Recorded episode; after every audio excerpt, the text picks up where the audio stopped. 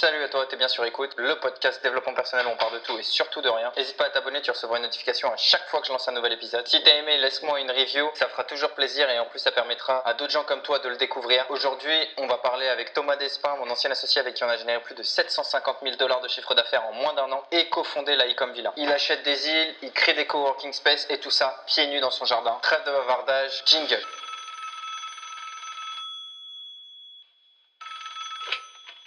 Allô, c'est toi? Quitte pas, t'es sur écoute. Maybe you should pull the fucking trigger. Pull the trigger. Ain't nobody gonna do for you. Pull the trigger.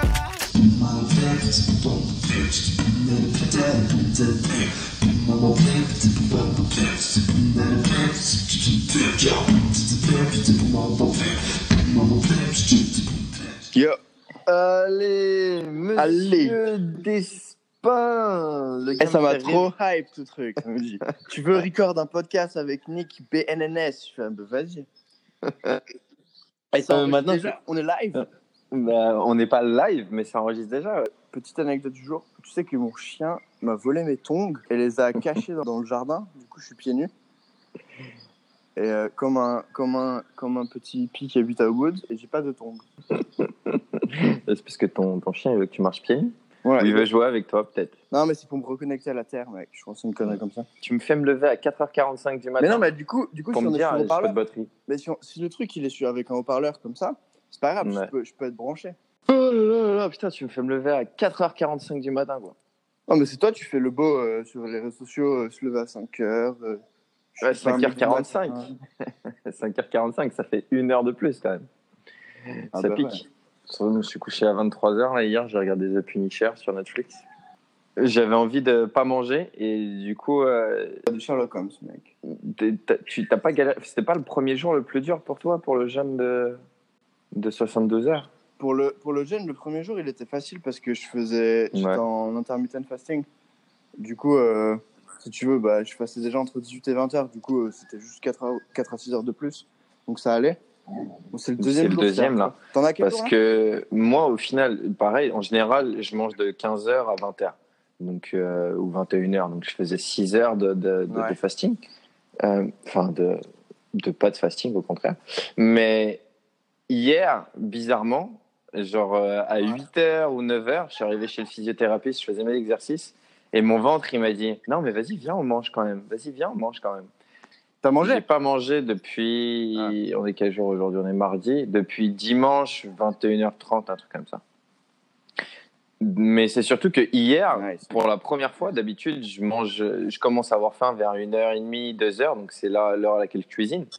Mais hier, genre à 8h30, 9h, parce que je savais que j'allais partir en intermittent fasting, euh, bah, je sais pas, j'avais que des. Ouais. Ma tête, elle me disait Non, mais vas-y, viens, on va manger, mais vas-y, t'as faim, mais vas-y, viens, fais ça. Ouais, c'est ta, c'est Non, non. ta tête, hein. C'est pas ton estomac. Ton estomac, mec, il peut tenir, euh, il s'en fout, il tient une semaine. Mais ta tête, mec, ton cerveau, il te dit, viens, viens, mange, mange des calories, avale du gras. Quand t'es, quand t'es en fasting, quand en, en- en fasting, je, je l'ai fait que deux fois, les- le truc de trois jours. Euh, Ouais. bah, moi, par contre, je buvais du thé, quoi. Euh, en fait, pour moi, la règle, c'était pas de calories. Donc, tout ce qui avait pas de calories, je pouvais l'ingérer. Euh, bah, il n'y a pas grand chose que tu peux ingérer qui n'a pas de calories, euh, par euh, du Ouais. bouillon de légumes euh, avec rien dedans, euh, mais du sel, parce que c'est pas mal d'avoir des, de- d'avoir des minéraux. Tu sais que pendant trois jours, Ouais. si tu bois que de l'eau, t'as pas trop trop de minéraux. Euh, mais bon, euh, en vrai, j'avais la flemme de faire du bouillon, donc c'est pas arrivé, mais j'avais le droit. Du thé et du. Café. euh, le, le premier, j'avais fait sans café euh, pour aussi reset mon, mes, mes récepteurs caféine. Et, euh, mais le deuxième, euh, je sais pas, mentalement, euh, j'étais pas chaud pour, pour arrêter le café, donc, j'avais quand même du café, quoi. Parce que je sais que, euh, en gros, bah, tu es censé nettoyer ton, tes reins, ton foie, tes intestins, tout ça. Et que, en gros, bah, si tu bois du thé, ça active quand même certaines parties de ton corps. Parce que dans, dans le thé, il y a quand même quelque chose qui, qui est actif sur le, le rein et le foie, je crois. Donc, je- j'essaye de le faire juste à l'eau. On verra. Là, c'est le deuxième jour. Donc, euh, ça risque. euh, Ouais. Moi, c'est le deuxième jour qui était hard. Et le troisième, en fait, le, le, ça dépend à quelle heure tu as commencé aussi. Et moi, le troisième, si tu veux, bon, bah déjà, euh, bon, tu dors, tu te réveilles. Ouais. Et moi, je pouvais manger à 17h, tu vois. Et euh, donc, du coup, en fait, quand tu peux manger à 17h, ça va parce que tu, vois, bon, bah, tu passes ta journée, mais c'est Mm. pas quand même genre le soir, tu vois. T'es pas en mode toute la journée en train de te dire putain, quand est-ce que je peux manger? Je fais des, fait des sashimi, je me rappelle. C'est marrant, mais le, le repas que tu te fais quand tu breaks ton, ton fast de trois jours, tu t'en rappelles. C'est pas comme tes trois repas tous les Ouais. jours où tu sais, tu t'en rappelles jamais. Tu sais pas ce que, enfin, je sais pas si tu te rappelles ce que tu as mangé il y a, il y a la semaine dernière. Moi, j'en ai aucune idée. J'en ai vraiment aucune idée, tu vois. Et, euh, mais ce, ce repas-là, tu t'en rappelles, tu vois. Et, euh, et, comme c'était à 17h, en fait, bah, le, le dernier jour était pas trop hard parce que je me disais, tu sais, tu, tu te lèves, tu bosses, bon, bah voilà, euh, Ouais. t'as quoi, 7-8 heures, et puis tu manges, tu vois. 7-8 Donc, heures, tu, te levais pas à 5 heures le, encore. premier, ça allait. Euh, non, je me levais vers, euh, Ok. je me levais vers 6-7 heures. Et, euh, et euh, mais, mais voilà, ça allait. C'est le deuxième, en fait, c'était compliqué parce que je disais, bon, bah, ça fait déjà 24 heures. Ouais. Tu sais, j'avais un timer sur mon téléphone qui me disait euh, combien de temps il me reste, tu vois. Quand il te reste moins de 24 heures, ça va. Tu dis, bon, bah, ça va, j'ai fait les deux tiers. Mm. tu, tu vois, fais pas le con, tu vois. Quand c'est le deuxième jour, tu vois, t'es pas encore trop engagé dedans. T'es en mode, ouais, faire un petit burger Oh là là. je le ferai plus tard. euh. Ton cerveau, il a plein d'excuses pour arrêter, c'est des, des excuses de, euh, bah, Mm. de, de, de perdant, tu vois. Mais moi, c'est ça, c'est que euh, hier, en fait, hier, c'était assez facile. Hormis le matin, vraiment, le matin, c'était très, très, très difficile. Euh, après, je me suis occupé et je devais faire des emails hier. Bah, je les ai pas fait parce que euh, mon cerveau déjà, euh, il me disait non mais vas-y, viens, on va manger, viens, on va manger. Donc je me suis dit vas-y, je vais faire, je vais faire quelque chose de plutôt cool parce que j'aimais pas faire les emails, donc j'ai fait autre chose. Et ça allait. Et c'est le soir, j'ai commencé à faire des lives sur Insta, sur Facebook et tout pour en, pour en parler un petit peu. Et là, il y a un mec qui m'a dit ah mais moi j'aurais craqué, j'aurais mangé une Ouais. pizza. Et il m'a parlé de pizza. C'est pas que j'ai, c'est pas que j'aime c'est c'est pas que j'aime les pas, pizzas de fou, mais tout d'un coup, j'ai eu l'eau à la bouche, j'ai eu des idées de pizza. Tout. Je me suis dit, oh là là, c'est pour ça que allumé Netflix direct. Je me suis dit, vas-y, je me fais une heure de Netflix et après, je vais me coucher. Après, je sais pas toi, c'est comment ça le fait. Il y a, y a des gens, tu sais, quand ils ont faim, tu sais, il y a plein de gens qui disent, ouais, moi je pourrais pas, le intermittent fasting ou trois jours, machin, parce qu'ils disent, que que quand Ouais. eux ils ont faim, ils n'arrivent pas à se focus. Mais moi, quand j'ai faim, je deviens brutal euh, au niveau de ce que je fais au niveau travail. Pendant mon phase de trois jours, en général, euh, bah ouais, c'est assez Ouais. brutal. Je bosse vraiment comme une brute. Euh, parce, que, parce que je peux pas voir des gens. Parce qu'en fait, quand tu vois des gens, tout le monde te dit, euh, quand, en situation sociale, les gens disent, viens, on va bouffer, on se fait un, on se fait un lunch, on se fait un café, on se fait un machin, tu vois. Et au final, tu finis par. bah, tu te mets dans un environnement où tu vas craquer, puisque la bouffe, elle est à 2 C'est sûr. cm de toi, tu vois.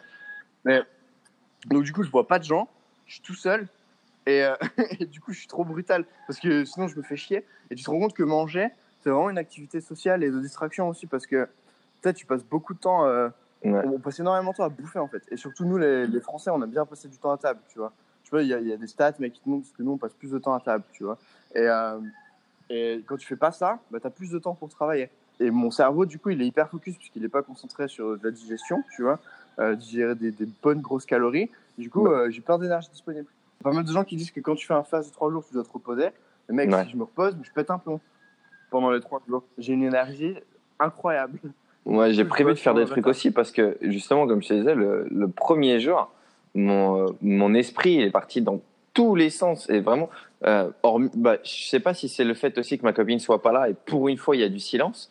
Et donc, j'ai pu m'entendre. Non, mais c'est vrai, parce qu'au final, bon, vu qu'on bosse tous les deux de la, la maison, bah ouais. Et puis, beaucoup, donc, du coup, on fait quelque chose, on se parle, on interagit. Ce qui fait que j'entends pas spécialement les voix et je lui dis toujours, moi, j'ai besoin de silence. Et là, bah, il y avait que du silence. Et j'étais posé et j'étais si près de la cuisine Ouais. que je me suis dit, bah, tu pourrais manger quand même. Tu pourrais.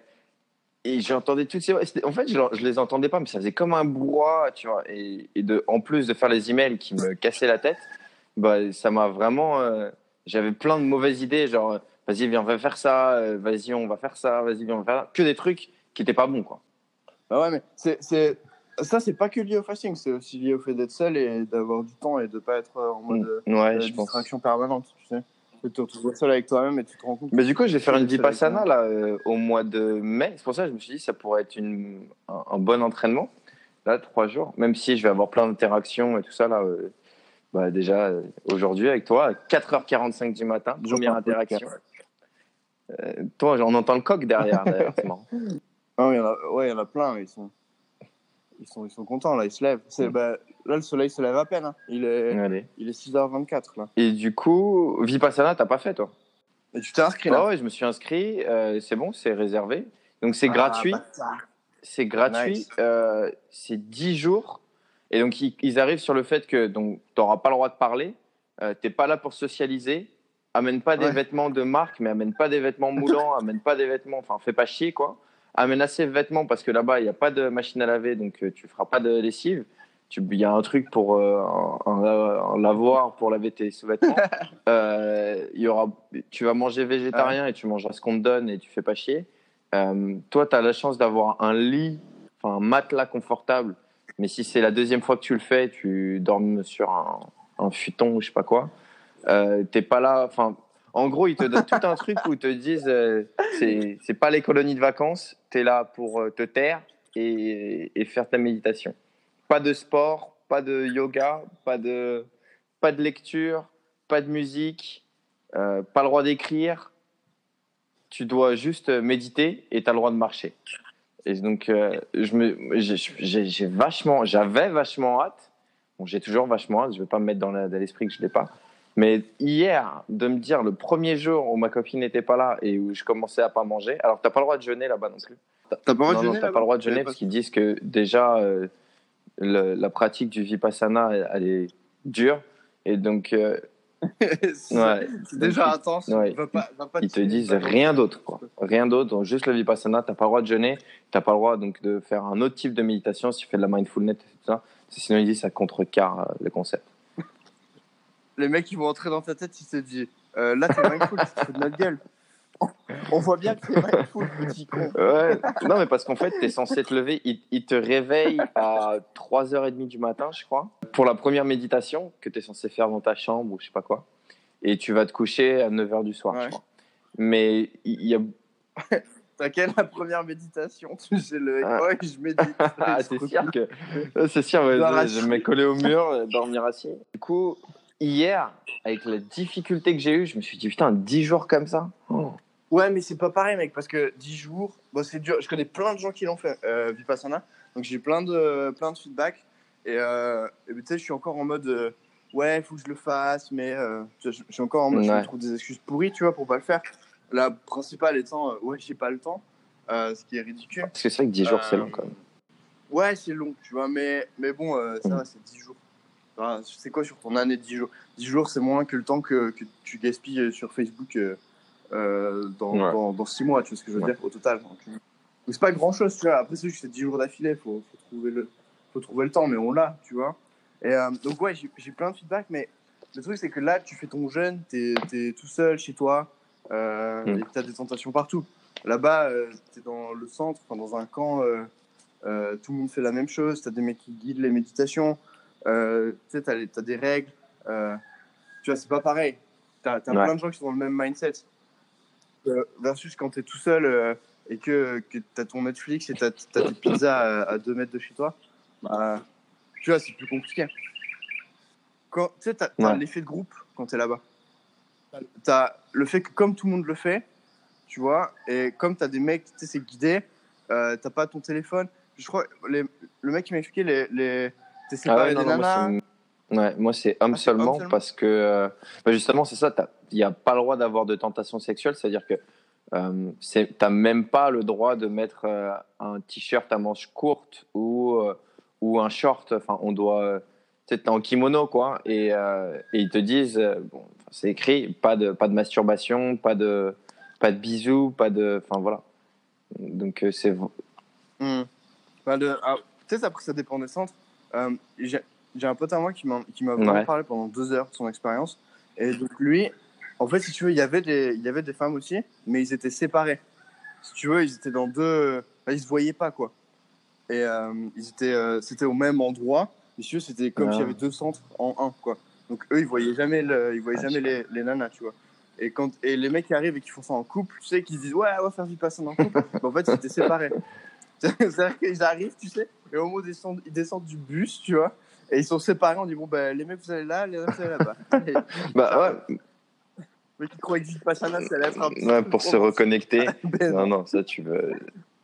Pour une fois dans ta vie, enfin si tu l'as fait euh, une fois déjà, c'est que tu, tu vraiment, tu tu t'écoutes en fait. on s'écoute pas souvent. Même si tu médites un peu tous les jours, tu fais quoi 10 minutes, euh, il y en a qui poussent à une heure. Mais quand tu as une journée, deux journées, dix journées juste à t'écouter, tu, euh, je pense qu'il doit y avoir des trucs archi ouf qui te passent par la tête. Ouais, et, et, euh, et c'est pas. Euh, bon, des gens qui m'ont dit moi, que c'était pas facile. Pas facile, facile. Euh, le mec que je connais qui a fait ça, euh, il était déjà pas mal. il déjà pas mal d'expérience dans, dans ce qui était genre enfin, self-awareness, méditation, etc. Mais quand il a fait le Vipassana, il m'a dit que ça lui avait vraiment mis une grosse claque. Il m'a dit que c'était vraiment, vraiment intense. Euh, dans, le, dans le bon sens, tu vois. C'était dur, mais il, il, est, il, il est super content d'avoir fait ça. Mais il m'a dit, il m'a dit c'est dur. Il me dit, il faut le faire. Bah, mais c'est J'imagine. Donc, euh, ce, qui est, ce, qui est, ce qui est marrant parce que quand tu, enfin, de l'extérieur, quand, quand tu t'imagines, tu te dis, euh, euh, ça n'a pas l'air d'être le truc le plus dur du monde de rester assis et de la fermer pendant 10 jours, mais J'avais regardé un truc de Impact Theory là, avec Tom Bilieu. Je sais pas si tu regardes ça de temps en temps, mais euh, il y a des trucs intéressants. Non. Et il interviewait un mec qui s'appelle Mike Posner, ouais, qui est un, un rappeur ou un chanteur R&B, peu importe. Et le mec avait fait une vipassana de une semaine, je crois, mais c'était aux États-Unis, au Canada, je sais plus trop où. Et en gros, ils les conduisent. pas- Celle-là, elle est intense parce qu'elle est toute seule. Et ils les conduisent au fin fond euh, d'une forêt. Ils l'amènent dans une cabane et ils lui disent bon bah voilà t'es là pendant euh, une semaine euh, t'as la cuisine ici t'as la cheminée là et puis voilà réfléchis donc euh, le gars il est arrivé et il disait donc il racontait euh, le premier jour ça se passait pas trop mal. Il a médité il s'est assis en tailleur il a fait un peu le tour de la propriété entre guillemets. Ah il y a un téléphone il dit s'il y a une urgence t'appelles mais si c'est pas une urgence euh, appelle pas sinon tu vas te faire insulter. Et euh, et, et du coup, le jour 2, il se réveille et il se dit bon, qu'est-ce que je dois faire? Tu vois, c'est pas, c'est même pas profiter du fait qu'il soit libre, c'est il doit faire quelque chose. Et il s'est dit bah si je classais les, Ouais. il a vu qu'il y a un, un placard plein d'épices. Il a dit si je classais les épices par ordre alphabétique, ça pourrait être, euh, ça pourrait m'occuper. Et après, donc il a fait, et euh, il a pris, la, il a rangé toute la maison, il a fait le ménage. Après, il est allé couper du bois. Il a dit j'avais pas besoin de bois, mais je suis allé couper du bois.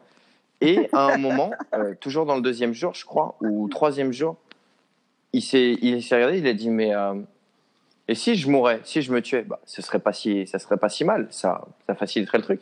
Et après, il a vu qu'il pensait à ça, il s'est dit mais c'est ouf que en fait pour éviter l'ennui, ouais, pour éviter l'ennui, je pense déjà à me tuer. Et c'est pas, euh, c'est pas qu'il envisageait ou tout ça, mais c'est juste, il s'est dit ça pourrait être une possibilité, tu vois. Qu'est-ce que je peux faire? Ah bah tiens, je peux me tuer, ça m'occuperait. ouais, ouais, je vois. Je vois. Ouais, ça veut pas dire qu'il avait littéralement envie de Ouais, voilà. Ça veut dire qu'il y a pensé, c'est ça. Parce que trois jours de silence. Ouais. Eh, mais au fait, ça a commencé là, Ah du ouais, ça, Là, on, ça enregistre. ça enregistre depuis. euh, ouais, ça enregistre depuis. euh, Ah, ok. Non, mais moi, je m'attendais à ce qu'il y ait un jingle, à ce que tu me fasses une intro, genre, euh, euh, que tu dises Non, non, suis, machin. Non, il n'y a pas ça. Et, et du coup, euh, bah voilà, bah alors, vas-y, présentation Ah, après une heure de, de podcast. C'est qui Thomas Despin Je pense que c'est mieux, c'est toi qui te décris. Qui suis-je? Ah ouais, qui suis-je? Donc, de direct, on commence par la question existentielle Ouais, bon, la plus compliquée à qui répondre suis-je, ouais. Qui suis-je? Ça va être long. Ah, pour faire simple, en fait, t'es le mec qui pèse à Bali, on va dire. T'es le, le parrain de la mafia des coworking space et de la hustler villa. Ouais. Ouais, c'est drôle. Bah, après, tu vois, on n'a pas, euh, on, a, on a pas mal de monde qui ont fait des, des events. Tu vois, les gens, ils aiment bien. Euh, après, pas euh, genre euh, full full niveau coworking, tu vois. Euh, mais moi, si tu veux, dans, dans mon esprit, ce que j'aime bien, c'est y aller et bosser et savoir que quand je suis pas en train de bosser Ouais. et que je vais, euh, je vais hang out dans le jardin, tu vois, euh, et prendre un café, eh ben, je vais être avec des gens euh, avec qui je- ça m'intéresse de parler, tu vois. C'est un peu, tu sais, c'est un peu, ouais, se, con- se construire un, un environnement de, qui, qui me correspond, tu vois. Après, euh, qui est euh, 10 personnes ou 20 personnes, je m'en Ouais. fous un peu et je le vois pas euh, euh, comme mon business principal. Faut, faut que ça tourne dans le sens où il faut que je perde pas d'argent, tu vois. Euh, et idéalement, si tu veux, ça Ouais, à déjà, tu vis besoins. pieds nus. donc. Mais, mais euh, je dépense pas beaucoup bah, à Bali. Bon, tu sais que j'ai pas un lifestyle super extravagant. Déjà, je vis pieds nus. Mais non, mais tu vois, par exemple, euh, euh, la plupart des gens qui sont à Bali, qui, qui ont une vie genre Mm. euh, euh, j'ai des potes, ils louent une villa, ils payent, euh, pas, 2000 balles par mois euh, pour une trois chambres, tu vois. Bon, bon après, je vais tout seul. J'ai une, j'ai une maison, genre Ouais. type euh, un peu maison ancienne balinaise. Si tu veux, euh, ça, enfin, moi, j'aime bien vivre dans un endroit, mon endroit de vie Ouais. principal, j'aime bien qu'il soit, en fait, je me suis rendu compte que j'aime bien qu'il soit modeste. Et j'aime bien que quand je vis dans un endroit plus luxueux, etc., ce soit temporaire. Ouais. Pour l'instant, tu vois. Et puis, économiquement, make sense, tu vois. Genre dépenser 1500 balles par an pour ta maison, tu vois. C'est. euh, voilà. Euh, moi, ça me va, quoi. Et, euh, et surtout, je passe mon temps, le temps que je passe, le temps de, dans la journée que je passe, je le passe à la villa ou je le passe dans des endroits plus stylés que ma maison. Ma maison, je suis pour dormir, pour faire. je fais mon sport, j'ai un petit endroit. J'ai un jardin tout quand même, c'est genre deux chambres, deux salles de bain. Euh, j'ai un petit bureau séparé si jamais je veux bosser plus là-bas. Et euh, j'ai un espèce de petit studio, un truc où j'ai mes kettlebells où je peux, je peux faire du workout. Quoi. Donc si tu veux, je, suis- je suis bien, tu vois, c'est- confortable et tout. Euh, mais c'est juste que c'est pas cher. Quoi. Donc, euh, ouais, donc la villa, ça subvient un peu euh, à, à mes besoins, mais j'ai pas besoin de grand-chose. Et puis, tu sais, maintenant que je suis résident, euh, j'ai plus besoin de faire mes Ouais. visa run tout le temps. Ouais, non, ça c'est pratique. Moi, c'est pour ça que j'ai fait un visa étudiant, entre guillemets. Je suis étudiant de box depuis justement. expat. Et, et, et comme ça, je- par contre, je dois aller à l'immigration euh, trois, quatre fois, entre guillemets. Mais vu que je le fais via l'école, c'est l'école qui s'en occupe. Moi, je dois juste aller à l'immigration, ils prennent une photo de moi et c'est fini. J'ai plus de chemin pour aller, enfin, j'ai plus, je prends, ça me prend Ouais. plus de temps d'aller à l'immigration que de temps que je passe à l'immigration. Mais voilà, mais j'ai un an, quoi. J'ai un an, c'est trois mois renouvelables euh, tous les trois mois. Mais, mais c'est cool parce que je me suis dit, sinon, c'est relou. Et donc, l'année prochaine, le but, c'est justement de faire aussi euh, work permit et, euh, et, et, et business visa comme, comme tu as fait toi, je crois. Et du coup, Reconnect. Moi, je suis curieux parce qu'on n'en a pas Mm. parlé. C'était un truc qui m'avait vachement intéressé quand, Yes. quand tu avais commencé, même avant de lever euh, tes fonds, tu m'en avais parlé. Ouais. Ça m'intéresse vachement. L'idée, c'est venu d'où de... Parce que bah, c'est venu d'où? C'est venu de la Hustler Village, j'imagine? Euh, pas du tout. En fait, en fait l'idée, elle est un peu venue de nulle part, euh, comme beaucoup disaient. Euh, Enfin, non, elle n'est pas littéralement venue de nulle part. Mais évidemment qu'il y a des associations avec ce que j'ai fait avant. Mais si tu veux, c'est une opportunité qui s'est présentée. Euh, Il y a une, amie à moi qui m'avait dit euh, écoute, euh, j'ai une pote qui vend un terrain, c'est sur une île, il y a rien et tout. Si jamais tu connais quelqu'un qui est intéressé, n'hésite pas à me dire, tu vois. Et, si tu veux, c'était un peu rentré par une oreille, c'est sorti par l'autre, je- ça m'avait pas trop intéressé. Et puis un jour, elle me reparle et puis elle me montre des photos. Et je me dis, ah, l'air pas mal. Et, euh, et par curiosité, tu vois, euh, juste euh, comme ça, je dis combien ça vaut, tu vois, enfin combien ça se vend, est-ce combien sont les terrains, comment on y accède, tu vois. Et puis, puis ça, m'a, ça a commencé à m'intriguer. Et, et, et du Ouais. coup, à un moment, elle me dit, bah, viens si tu veux, on, on y va. Et euh, donc, c'est, donc c'est, D'accord. l'île s'appelle Buka Buka Island. Euh, et Buka en, en, en indonésien, ça veut dire ouvert, juste euh, open. Euh, et donc, euh, on y va. Et, et deux semaines après, tu vois, on, elle m'en reparle et puis elle me dit, ah, tu veux, on y va. Et c'est deux semaines après, on book, on book Ouais. les flights, tu vois, on y va. Et, et si tu veux, tu n'arrives pas directement sur l'île. Alors, de un, il faut savoir, sur l'île, il n'y a rien. Il n'y a, personne qui habite. Il n'y a pas d'infrastructure. euh, c'est vraiment typiquement ce que tu imagines d'une île déserte, tu vois. Euh, avec des cocotiers, du sable blanc et tout, tu vois. Ok. Et, euh, et tu vas pas donc directement, puisqu'il n'y a pas d'infrastructure, donc tu restes à, à Ampana, c'est à Central Sulawesi. Et, euh, et après, tu prends un bateau. Alors, si c'est un fast boat, tu es en 20 minutes. Ok. Euh, si c'est un bateau local, tu sais, euh, ils appellent ça un jukung, euh, tu es en 50 minutes, une heure, tu vois. Et, euh, et donc, du coup, on y va. Et, euh, mais je connaissais rien à la région, tu vois. Genre, littéralement, moi, j'étais en mode, euh, euh, ok, bah viens, c'est rigolo, on va sur une île déserte. Euh, J'avais besoin de faire un break et je me suis dit, c'est c'est drôle d'aller sur une île déserte. Bon, déjà, on arrive, 5 Ah, minutes énorme. avant d'arriver et, de poser le bateau à côté de la plage, euh, on a genre un, un énorme banc de dauphins qui nous accompagne, tu vois. Énorme. On se pose et donc là, gros, gros silence bien, bien reposant euh, de euh, tu te rends compte que tu es sur une île déserte. Allez C'est bientôt le lever du soleil chez moi. 6h08, c'est ça? Euh, ouais. 6h08. Et ça fait déjà une heure et quart, une heure, une heure qu'on parle. Ouais, un peu moins Ah. d'une heure parce que t'étais en retard. Mais euh, je voulais juste le passer. Mais c'est ouf justement. Pourquoi se lever aussitôt? Bon après, encore une fois, 4h45, je sais pas que je le ferai tous les jours. Tu te lèves à 4h tous les jours, toi? Ou tu... Enfin, 4h30, Non, je me lève à c'est 5h. 5h. Ouais, 5 5 heures.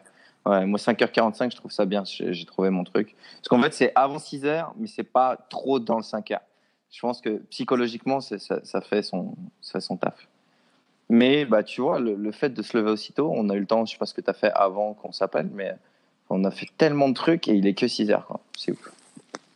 Ouais, c'est assez cool. J'aime bien, bien euh, cette idée d'avoir le temps de faire plein de choses pendant le matin, pendant la matinée, et ensuite, euh, en fait, tu as déjà accompli ta journée d'une d'une certaine manière, et, et ensuite, tu as quand même plein de temps pour faire euh, bah, des meetings ou, ou faire tes, tes propres trucs. Quoi. Tu fais quoi le matin quand tu te lèves? La première chose que je fais, en général, c'est éteindre mon réveil déjà. Bien. Euh, si je sens que je suis très fatigué, je passe genre 3 minutes juste sur Insta et Facebook, puisque je sais que déjà personne va me parler à cette heure-là, mais c'est juste que ça me réveille. Je mets mon téléphone en mode avion, je fais mes étirements, j'utilise l'application Calme là, donc je fais mes étirements, après, après donc c'est 8 ou 10 minutes, un truc comme ça. Après, je fais ma méditation. Euh, et puis après, en général, ma copine se lève par là ou un truc comme ça. Euh, donc on papote. Sinon, avant que je me blesse, donc à 8 heures, normalement, il fallait que je sois à la, à la boxe. Donc il faut que je parte de chez Ouais. moi vers euh, 7h15, 7h30. Et, et j'essaie de lire aussi. J'essaie de lire. Donc en général, c'est Ça méditation. ressemble à quoi? J'essaye de lire. Euh, c'est, je lis une quinzaine, vingtaine de minutes, mais c'est que dès que je sens que mon attention, elle, euh, elle réduit, je pose le livre et je regarde dehors, en fait, parce que j'ai une grande baie vitrée. Donc, euh, je regarde le lever du soleil ou je regarde les arbres et je reprends le bouquin, en fait. Mais j'ai- je me force pas à lire si je sens qu'il y a de la difficulté. Si ça passe tout seul, je lis. Ok. Donc, euh, ouais, c'est ça. C'est euh, étirement, c'est la première chose que je fais tout le temps. Euh, après méditation et lec- pause caca, lecture et, et après le sport ou sinon euh, je me mets. euh, maintenant, je vais à la physiothérapie et après, quand je reviens, je me mets sur le sur l'ordi et je bosse. T'as un truc euh, vu que parce que je jeûne aussi. Donc, enfin, je sais pas euh, si toi tu fais le jeûne euh, avec le thé ou le café ou tout ça. Moi, je, Mhm. je fais jeûne juste à l'eau, donc euh, enfin, je passe pas de temps. Ouais, ça, ça aussi, le, le jeûne, plus que économie d'argent et euh, c'est surtout et, et bienfait de la santé, c'est surtout aussi c'est un gain de temps quoi, de ouf. Parce que je vois quand je cuisine, je passe, je sais pas, j'aime bien passer un peu de temps en cuisine, donc je pense quoi, une heure, une heure et demie. Mais si, si tu dois le faire deux ou trois fois par jour, mais tu, tu perds quatre heures de ta journée euh, euh, en cuisine. Plus après tu manges. Donc tu essaies de pas. Moi je mange vite, mais j'essaie de, de gagner justement du temps, euh, enfin de, de prendre le temps de manger plus doucement. Mais, euh, mais tu passes, tu, tu perds 5, cinq heures de ta journée juste euh, à manger ou à faire des trucs qui sont en rapport avec manger. C'est tout ça. Ouais, après, euh, moi, je perds, enfin, je perds pas de temps. Je passe pas de temps à cuisiner, ou alors, euh, ou alors si c'est moi, je fais que des trucs simples, tu vois. Ouais. Mais euh, d'habitude, si je suis à la villa, par exemple, c'est mon staff qui cuisine. C'est aussi un des, un des avantages que j'ai, c'est que à la villa, ce que j'aime bien, c'est que quand j'ai faim, euh, je demande à mon, à mon, à mon staff de, de me cuisiner un truc et je passe pas Mm. de temps à le faire. Ouais. Ouais, mais c'est marrant parce que tu es une personne très créative et tu te retrouves pas dans la création euh, culinaire? Mm. Je suis créatif, mais je suis aussi assez pragmatique. Ouais. Et, et passer du temps à cuisiner quand j'ai des gens que je paye déjà au mois, dont c'est le taf, hum, si tu veux, ça faisait pas trop de sens d'un point de vue pragmatique. Et euh, si tu vois l'alimentation d'un point de vue euh, d'un point de vue rationnel, après, Ouais. euh, quand tu vas dans un resto, un gastro, etc., c'est différent. Mais je te parle dans la dans la vie de tous les jours. Pour moi, ça fait pas trop de sens de passer du temps à, Ouais. à, à cuisiner. Surtout que mon, mon staff, je peux leur expliquer, tu vois, genre cuisine avec de l'huile de coco, je peux leur dire euh, cuisine tel type d'aliment, etc. Ouais. Donc si tu veux, c'est quand même sain. Et aussi, c'est eux qui font les courses, donc du coup, j'ai pas la tentation d'acheter des trucs qui sont euh, pas sains pour moi. Ok. Ouais. Ouais, bah, moi, je pense que c'est parce que aussi, je cuisine pas que pour moi, je cuisine pour ma copine, donc c'est une, une preuve d'attention parce que pour elle, elle, elle prête beaucoup d'attention à, à manger. Enfin, c'est, ça, l'in- elle, est, elle est hyper sensible. Donc, euh, soit euh, elle va être très triste, soit elle va être très heureuse. Et manger, en général, ça la rend très, très heureuse. Donc, euh, voilà. Et non, mais c'est marrant, tu vois. Elle, elle- genre, elle bouge la tête, elle danse. euh, Enfin, euh, c'est c'est énorme. Elle fait des grands sourires, elle applaudit, euh, comme un enfant, Mhm. tu vois, qui voit son plat favori.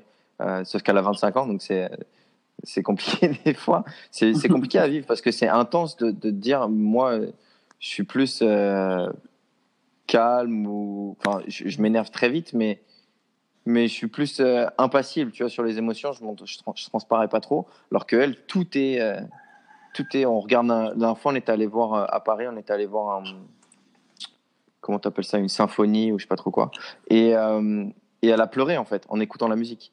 Mhm. Et je trouve ça beau, mais c'est juste des fois de- d'avoir quelqu'un d'aussi sensible, c'est compliqué à vivre. Bref, toujours est-il que donc cuisiner, j'aime bien justement parce que c'est comme une preuve d'attention et d'affection pour elle, ou on le fait Mhm. ensemble, donc c'est un petit peu c'est un quality time quoi. C'est Ouais. pour ça que, que c'est cool des fois de passer un peu de temps en cuisine.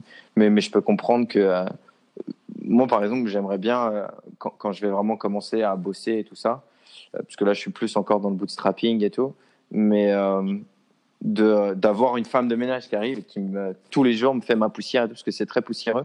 On laisse Mhm. ouvert chez moi. On... Et donc d'avoir juste quelqu'un qui arrive, qui fait ça, qui me fait ma baie vitrée et tout, parce que là pour le coup. Je comprends. Bon vas-y reparle de Reconnect là. T'étais arrivé, il y avait les dauphins et tout. J'étais en train de me visualiser. T'étais en train de faire un truc hypnotique, c'était ouf. Là, c'est un couple. Et puis euh, Poutine t'a coupé. ouais. Ah, le bâtard. Euh, donc, on arrive. euh, Ah non, mais mec, ça a coupé là. J'ai parlé encore pendant 10 minutes tout seul, quoi. Je me disais, c'est bizarre, il dit plus rien. Donc, je te disais, on, a, on, arrive, euh, on arrive en, bateau. Donc, on a le, gros banc de dauphins qui nous accompagne euh, à 5 minutes. euh, donc, on était à 5 minutes de l'île. On a le banc de dauphins qui, qui, nous accompagne. Donc, tu sais, on s'arrête, on prend des photos, vidéos, etc. Ensuite, on continue, on arrive sur l'île. Et, et c'est là, en- fait, que quand tu y es, tu te rends compte. Quand tu vois sur les photos, tu te dis, waouh, c'est beau, c'est une île, tu vois. Euh, mais bon, des îles, il y en a plein. Tu en as plein en Thaïlande, tu en as plein en Indonésie, etc. Tu as toujours une île qui va être plus jolie. Et euh, ce qui m'a marqué, c'était pas tant le fait que ce soit beau, mais l'atmosphère là-bas. Le fait tu d'être sur place et de te sentir là-bas, de sentir que tu loin de tout. Tu vois quand même, tu vois quand même la terre ferme depuis, depuis là-bas. Tu t'as fait qu'une heure de bateau, t'as pas fait euh, ouais, 30 minutes, c'était en face boîte. T'as pas fait, euh, t'as pas traversé des, océans et des océans, tu vois encore la terre ferme. Euh, mais tu te sens vraiment remote, tu te sens vraiment euh, euh, au milieu de la nature avec les coquilles, tu te sens vraiment sur une île déserte, quoi. Et Ouais. ça, ça c'était la, ça c'est le truc qui m'a fait kiffer. Et, et de se dire, en fait, tu peux arriver sur la terre ferme là-bas en avion, tu fais juste euh, euh, 20 à 30 minutes en fast boat et tu arrives là. Et il n'y a rien. Et il n'y a, et personne, et c'est toi, euh, les cocotiers et le sable blanc. Et ça, j'avais vraiment, ça m'a vraiment fait kiffer. Et on est resté, on a passé, on a passé la, journée là-bas. Mais c'est comme quand tu fais du, c'est comme quand tu fais du vipassana ou quand tu es tout seul dans ta retraite, moment où tu te dis bon, qu'est-ce que je fais? Puisque évidemment il y a rien. Donc on s'est, on est allé, on est allé attraper des, noix de coco. On s'est, on s'est bu des noix de coco, euh, sais, bah, à, à même la, à même la coconut sur la plage. C'était vraiment cool. J'avais mon drone, donc j'ai fait des, j'ai fait des vidéos, etc. Euh, et puis on a, on a exploré un peu l'île. On a fait le tour en bateau aussi, etc. L'île elle est petite, juste pour que tu visualises. T'es allé sur les îles Gili euh, quand t'étais à Bali? Non. Ok. Moi j'ai fait Bunaken. mais Je sais pas si elle est aucune idée. En gros, l'île elle fait 2 km par 1. Donc c'est vraiment, Ouais. c'est vraiment pas très grand. Hum, et euh, donc on a passé la journée là-bas. Puis ensuite, si tu veux, moi j'étais pas dans l'idée de, l'acheter à ce moment. Je me suis dit, ah c'est cool, on va voir comment c'est, etc. Et euh, je m'étais dit évidemment pourquoi pas, mais c'était pas vraiment dans mon idée de me dire ah je vais acheter, je vais acheter un terrain. C'était plus par curiosité. Et sur le trajet du retour, j'ai commencé à, visualiser. J'ai commencé à me dire euh, ah on pourrait faire un truc comme ça, on pourrait euh, foutre des bungalows, on pourrait avoir des panneaux solaires pour choper l'électricité, on pourrait récupérer parce qu'il y a de l'eau fraîche euh, sur l'île. On s'est dit on pourrait récupérer l'eau qu'il y a sur l'île. Euh, on pourrait faire un système où on recycle l'eau, etc. Et si ça a commencé à fuser dans mon, dans mon cerveau. Et je me suis dit, euh, j'ai commencé à me dire, why not? Pourquoi pas? Et, et si je faisais quelque chose là-bas, qu'est-ce que ce serait? Tu vois, j'ai commencé à me projeter Ouais. et ça ça m'a bien, bien fait kiffer. Euh, un, parce qu'on serait les premiers à faire quelque chose là-bas. Et, deux, parce que c'est tellement, tellement, de challenges et de, trucs qui m'avaient l'air impossibles que du coup, je me suis dit, c'est une, une vraie, vraie putain d'occasion de grandir, tu vois, enfin, d'apprendre. Euh, parce que c'est 100% pour le coup en dehors de ma zone de confort, parce que je connais rien au real estate, euh, et encore moins euh, au real estate qui est sustainable, tu sais, où tu dois tout amener toi-même et, et tout essayer de créer de façon. J'ai pas de traduction pour sustainable, donc je vais dire sustainable. Ouais, non, mais enfin voilà, bah, qui est éco-friendly aussi. On traduit Oh avec là des. Je déteste ce terme. Bah, c'est- vrai pourtant, non? Parce que tu essaies quand même de communier avec la nature. Non, en fait, c'est juste que eco-friendly, ça veut rien dire. Si tu veux, tu peux avoir un panneau solaire sur ta maison et l'appeler un- Eco-friendly, c'est un thème, c'est vraiment un terme qui est juste marketing, euh, où tu peux dire que comme tu as rajouté des plantes, c'est eco-friendly, tu vois. Et il n'y a pas de manière de, de mesurer à quel point tu es eco-friendly. D'accord. Euh, et euh, ouais, sustainable, c'est un peu pareil, sauf que c'est vraiment un concept. Quand tu dis sustainable, tu as l'idée de- de- d'utiliser le moins de ressources possible que tu vas pas renouveler. Et ça, ouais. se maintient, ça se maintient par lui-même, en fait. Je crois que c'est ça. C'est l'idée, c'est la direction, c'est Ouais. la grande idée.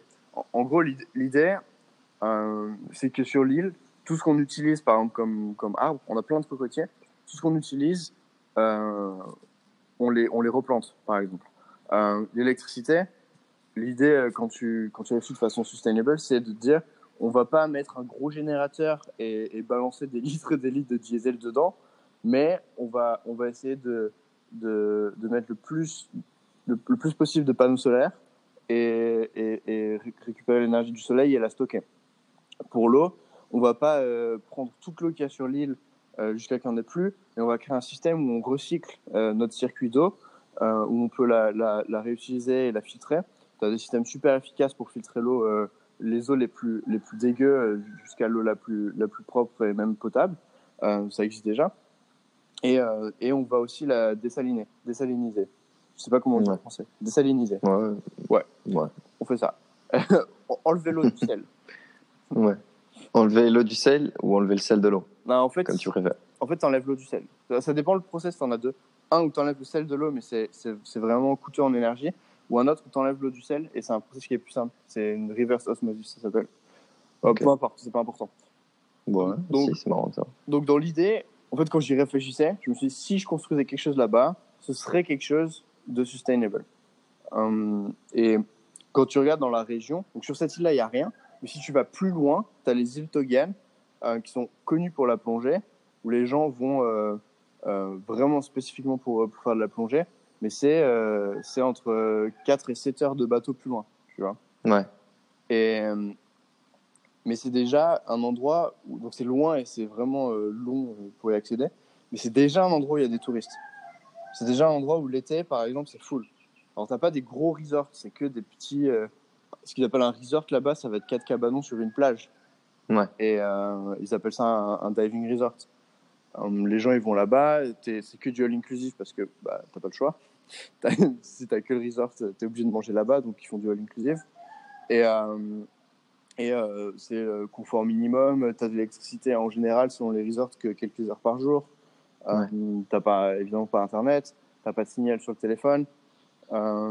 C'est le confort que t'as là-bas, il est vraiment vraiment vraiment minime.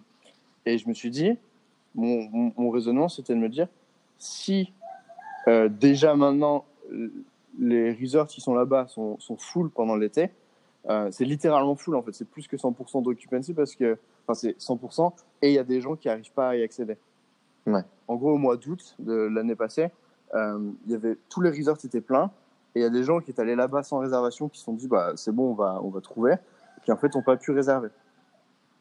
Et en plus, Dormir sur la plage. T'imagines que les mecs, les mecs sans internet et sans, euh, et sans réseau sur la plupart des îles, tu vois, c'est compliqué de, de, de gérer tes réservations sur booking.com, quoi. Ouais. Donc, alors, donc ça, c'est le, c'est le, le contexte et le cadre euh, actuel qu'il y a là-bas. Et moi, je me suis dit, bon, bah, si c'est full tout l'été là-bas, nous, on a une île qui est, euh, qui est à, à, à 30 minutes en, en fastboat ou, ou une heure en, en bateau local. Euh, il n'y a pas de raison qu'on n'y n'y arrive pas, quoi, puisqu'on a beaucoup plus d'avantages. Et le fait d'être plus près de la terre ferme, non seulement c'est plus accessible pour les, pour les, les touristes et les gens qui visitent l'île, mais, mais en plus de ça, c'est beaucoup plus facile pour construire. Tu imagines Ouais. bien que quand tu dois transporter des matériaux, euh, c'est plus simple quand tu dois traverser, c'est 15 km, tu vois.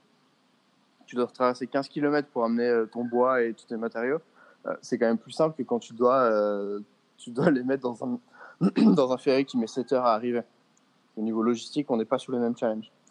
Donc je me suis Mais- dit, Non, non, je pensais juste que du coup, ça allait faire beaucoup de, de navettes et tout ça, et, et ça, ça nique pas le corail et tout ça. Le, Mm. bah, le fait que maintenant, il va y avoir de la transportation qui va venir sur ton île.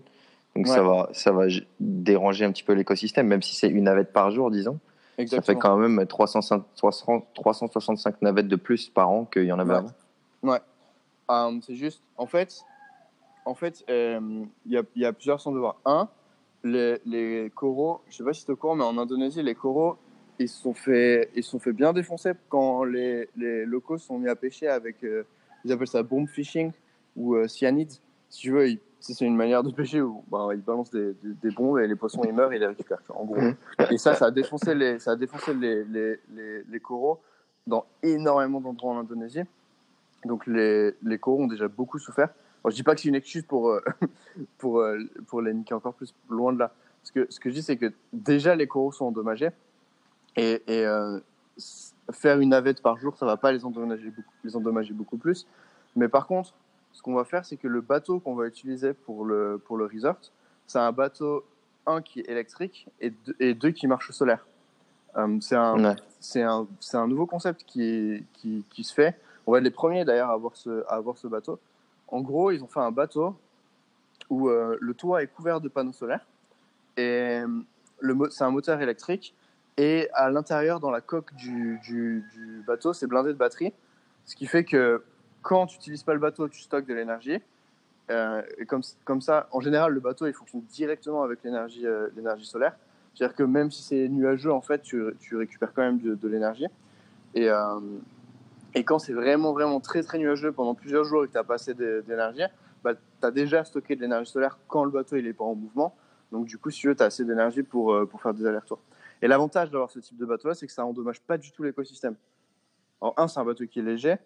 Et deux, euh, bah, tu n'as pas d'émissions. Euh, T'as pas d'émissions qui sont liées à, à- à l'essence ou au diesel. Euh, je, je suis pas trop. tu coupes. Donc je sais pas si tu as bougé de là où tu étais au début. Ah, mais j'ai Mais- 1% de batterie. Euh. Attends, je vais me brancher. Attends. Ah, donc ça coupe. Donc tu disais qu'il y avait. Tu m'entends toujours? Es-tu là? Nick, es-tu là? On a perdu Nick.